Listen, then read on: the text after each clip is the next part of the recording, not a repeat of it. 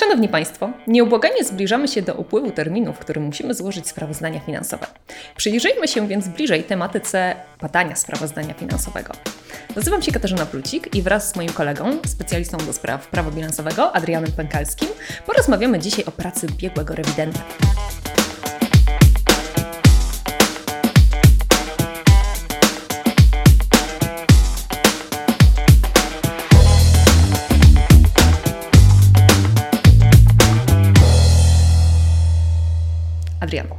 Biegły rewident, przyjaciel czy wróg przedsiębiorcy? E, biorąc pod uwagę tematykę i tak naprawdę tytuł tego, e, tej serii, powinienem powiedzieć, to zależy. No, powiedzmy, to zależy jakiego przedsiębiorcy ale to pytanie w zasadzie nie powinno być skierowane do mnie. Kasiu, ty jako księgowa powinnaś się wypowiedzieć bardziej. Czy biegły jest przyjacielem czy wrogiem przedsiębiorcy i księgowego? Myślę, że przedsiębiorcy raczej przyjacielem, ponieważ e, przedsiębiorca e, uzyskuje rzetelną informację na temat kondycji firmy, natomiast księgowym raczej ma opory e, w stosunku do biegłego, ale to wynika najczęściej z tego, że księgowa bardzo dużo dokumentów musi przygotować, aby umożliwić w ogóle pracę biegłemu rewidentowi rewidentowi? W zasadzie biegły rewident jest osobą zatrudnioną przez spółkę, zatrudnioną, e, działa na zlecenie spółki, a przychodzi skontrolować pracę księgowej. Niestety, niestety, ale proszę mi wierzyć, że z mojej praktyki zawodowej wynika jeden prosty wniosek. Jeżeli mamy porządek w dokumentach i księgi są rzetelnie prowadzone na bieżąco, to tak naprawdę nie trzeba się bać tego biegłego. A po co w ogóle w firmie taki audyt? Niektóre spółki e, na mocy prawa są zobowiązane do przeprowadzania badania sprawozdania finansowego. Tutaj powinniśmy się posługiwać jednak terminem badania sprawozdania finansowego, który różni się od e, zwykłego audytu.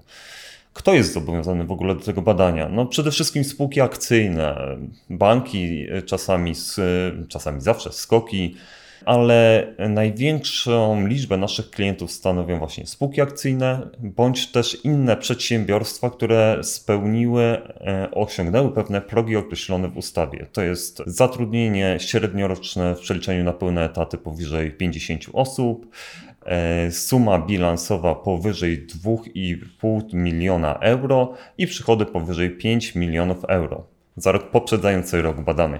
Okej. Okay. Badanie sprawozdania to brzmi tak poważnie. Czy przedsiębiorcy powinni się bać biegłego rewidenta? Albo księgowe? Nie, no, absolutnie nie. E, biegły rewident jest e, trochę takim jakby lekarzem, a spółka, e, można ją porównać do osoby, która przychodzi na badania kontrolne. Nikt tego nie lubi. Ja tego nie lubię. Ale lepiej jest chyba wiedzieć, co jest złego, co dzieje się nieprawidłowego i móc to naprawić niż e, zorientować się po czasie, kiedy przyjdzie choćby kontrola podatkowa. Trzeba pamiętać, że e, biegły nie wyciąga wielu konsekwencji z badania. Oczywiście jest tam e, pewien rodzaj opinii, w najgorszym przypadku odmowa wyrażenia opinii, ale nie ma z, na ten moment jakichś konsekwencji podatkowych czy finansowych dla tego konkretnego przedsiębiorcy. Więc może on poczynić pewne czynności naprawcze, żeby zminimalizować ryzyka, bądź też e, tak naprawdę e, zwolnić się z pewnej odpowiedzialności. Odpowiedzialności, na przykład jakiej? Trzeba pamiętać, że za prowadzenie ksiąg rachunkowych zgodnie z ustawą zawsze odpowiada kierownik jednostki. E, nawet jeżeli zleci te prowadzenie ksiąg rachunkowych usługowi, usługowo jakiemuś biuru rachunkowemu, to ostateczna odpowiedzialność zawsze ciąży na nim. Jaka to jest odpowiedzialność? No, ustawa mówi o e, ograniczeniu wolności, bądź też karze grzywny, bądź też obu tym karą łącznie, chociaż rzadko się to zdarza. Mówimy o, o takim obligatoryjnym badaniu sprawozdania. Powiedz, czy y, możemy też tak dobrowolnie po prostu poddać się takiemu badaniu? Oczywiście, oczywiście nie ma żadnego problemu. Procedura sklasyfikowana w ustawie o biegłych rewidentach jako czynność rewizji finansowej, więc ona rządzi się swoimi prawami. Ona jest sformalizowana i biegły, podpisując taką umowę, jest zobligowany do przeprowadzenia pewnych skomplikowanych e, trochę procedur. Czy przedsiębiorca musi się jakoś e, specyficznie przygotować do takiego badania? Badanie ma sprawdzić, jak funkcjonuje dana jednostka, jak, w jaki sposób radzi sobie e, w sytuacji gospodarczej, jak, w jaki sposób następuje kontrola, jakie ryzyka występują, więc e, nie ma konieczności jakiegoś szczegółowego przygotowania się do badania, chociaż warto jest uporządkować dokumentację. o co klienci pytają w trakcie takiego badania? Co sprawia im taką trudność w kontakcie z biegłym? Przeważnie taki strach. E, księgowe nas nie lubi. Okay. Nie ma, nie ma się co oszukiwać. E, przychodzi biegły, przychodzi biegły, biegły się zaczyna czepiać. On się czepia, przynajmniej tak księgowe uważają, wszystkiego. Tak wygląda to od strony księgowej. Pewnie byś potwierdziło, że przychodzi nieraz taki odrobinkę, biegły. Odrobinkę. Ale z, moj, z mojej perspektywy biegły pyta się. Mhm. Biegły chce zrozumieć spółkę, chce zrozumieć procesy, e, które w niej następują, chce zrozumieć, dlaczego spółka postąpiła tak, a nie inaczej. Więc zadaje pytania. Czy może być też takim wsparciem dla działu właśnie księgowego bądź przedsiębiorcy, jeżeli przedsiębiorca nie jest pewny, jak coś zarachować, albo pewne rzeczy są wątpliwe? Czy służycie pomocą w trakcie takiego badania też, jakąś opinią? Oczywiście, nie tylko w trakcie badania, ale nawet e, przed badaniem. Tak naprawdę my w stosunku do naszych klientów świadczymy nawet taką rodzaj doraźnej pomocy e, rachunkowej, bo to związanej z prawem bilansowym, ujęciem jakichś zdarzeń gospodarczych. Często klienci, z którymi mamy podpisane umowę na badanie, zwracają się do mnie z pytaniem, jak zarachować, jak rozwiązać pewien problem księgowy. Ja na te e, pytania odpowiadam. Dlaczego? Lepiej jest, żeby od razu e, prawidłowo coś zaksięgować, żeby prawidłowo coś zrobić, niż musieć to później korygować w trakcie badania. Zgadzam się. A powiedz mi, e, jak w ogóle wybrać firmę audytorską? Skąd mam taki przedsiębiorstwa przeciętny wiedzieć, że ten audytor będzie faktycznie firmą, z którą chce współpracować?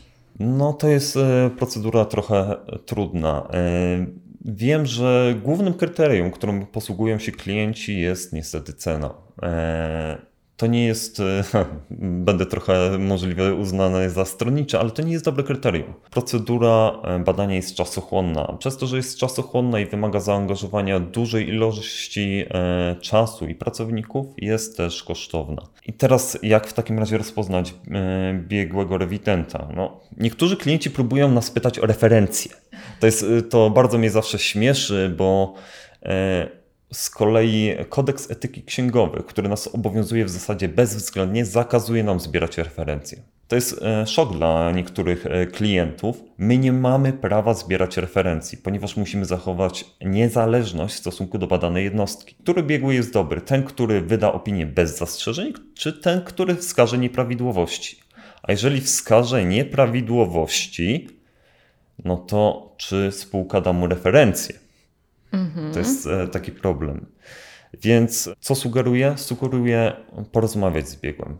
Porozmawiać z nim telefonicznie, przede wszystkim i sprawdzić, czy zna się na tematyce związanej z prowadzeniem danej działalności. Czyli ważne jest tutaj też e, jakby doświadczenie biegłego w danej branży, tak? Na przykład automotive. Tak, to ma pewne znaczenie, aczkolwiek Wszystkiego idzie się nauczyć. Tak naprawdę każde pierwsze badanie nowej spółki jest zawsze trudne. Trudne i dla nas, i dla tej spółki. Dlaczego? Pomimo tego, że mówimy, no, branża automotive, z którą mamy do czynienia, którą znamy, jest spółka A, która się zajmuje powiedzmy montażem samochodów, spółka B produkcją jakichś okładzin do samochodów. To są jedna branża ale problematyka z, e, związana z tą konkretną działalnością jest całkowicie inna. Specyfika prowadzonej działalności jest inna, organizacja pracy jest inna, więc e, pierwsze badanie jest zawsze bardziej czasochłonne, e, trudniejsze, gdyż wymaga od biegłego zrozumienia badanej jednostki. A czy są jakieś takie błędy, które przedsiębiorcy najczęściej popełniają podczas wyboru biegłego? No, wspominałem, to kwestia ceny. Najtańszy biegły nie jest zawsze najlepszy, E, poza tym e, najtańszy biegły często e, lubi przerzucać swoją pracę na spółkę, przez co, co wiąże się z dodatkowymi kosztami. Na przykład ja nie lubię czegoś takiego, żeby przerzucać zestaw, wypełnione zestawienia w ramach przeprowadzonych przez nas procedur Exceliki mhm. na księgowość. Drugim błędem częstym jest e, zawarcie umowy o badanie. E, najwięcej umów zawieramy w grudniu, w styczniu Końcem nawet. roku. To jest koniec roku, to jest za późno. Umowa o badanie powinna zostać zawarta w terminie umożliwiającym biegłemu wzięcie udziału w inwentaryzacji rocznej. No. Inwentaryzacja tak. jest bardzo ważną procedurą. Jeżeli biegły nie uczestniczy w inwentaryzacji, musi inaczej potwierdzić stany, które normalnie mógłby potwierdzić uczestnicząc w niej czy obserwując ją. Jeżeli tego nie da rady zrobić, no spółka dostaje zastrzeżenie w opinii. Czyli to jakby automatycznie rodzi y, zastrzeżenie, tak? Więc bardzo ważnym jest pilnowanie tego terminu. Dziękuję Ci, Adrian, za bardzo szerokie y, omówienie tematyki związanej z wyborem biegłego, uchylenie rąbka tajemnicy z pracy biegłego rewidenta. Niewątpliwie badanie sprawozdania finansowego jest y, kwestią istotną dla przedsiębiorcy. Warto więc poświęcić chwilę czasu przeszukać rynek i wybrać kogoś, kto tak naprawdę da nam sensowny feedback i udzieli informacji o faktycznej kondycji danego przedsiębiorstwa. Biegły rewident przyjaciel czy wróg? Hmm. Po dzisiejszej rozmowie myślę, że jednak przyjaciel przedsiębiorcy. Warto e, zaufać opiniom specjalistów. Polecamy specjalistów z GLC. Warto więc poświęcić chwilę na wybranie dobrej firmy audytorskiej, która tak naprawdę da nam solidny feedback i pozwoli działom y, zarządzającym przedsiębiorstwem ocenić, w jakiej jesteśmy kondycji, w jakim kierunku powinniśmy zmierzać i co należy poprawić. Dziękuję Ci, Adrian, bardzo za dzisiejszą rozmowę. A Państwa zapraszam serdecznie na dalszy ciąg cyklu rozmów między specjalistami. Będziemy rozkładać na czynniki pierwsze nadal sprawozdania finansowe, e, a niebawem porozmawiamy o wariantach sprawozdań finansowych oraz o parametrach, które są istotne, abyśmy wybrali najkorzystniejsze z nich. Dziękujemy za uwagę. Dziękuję bardzo.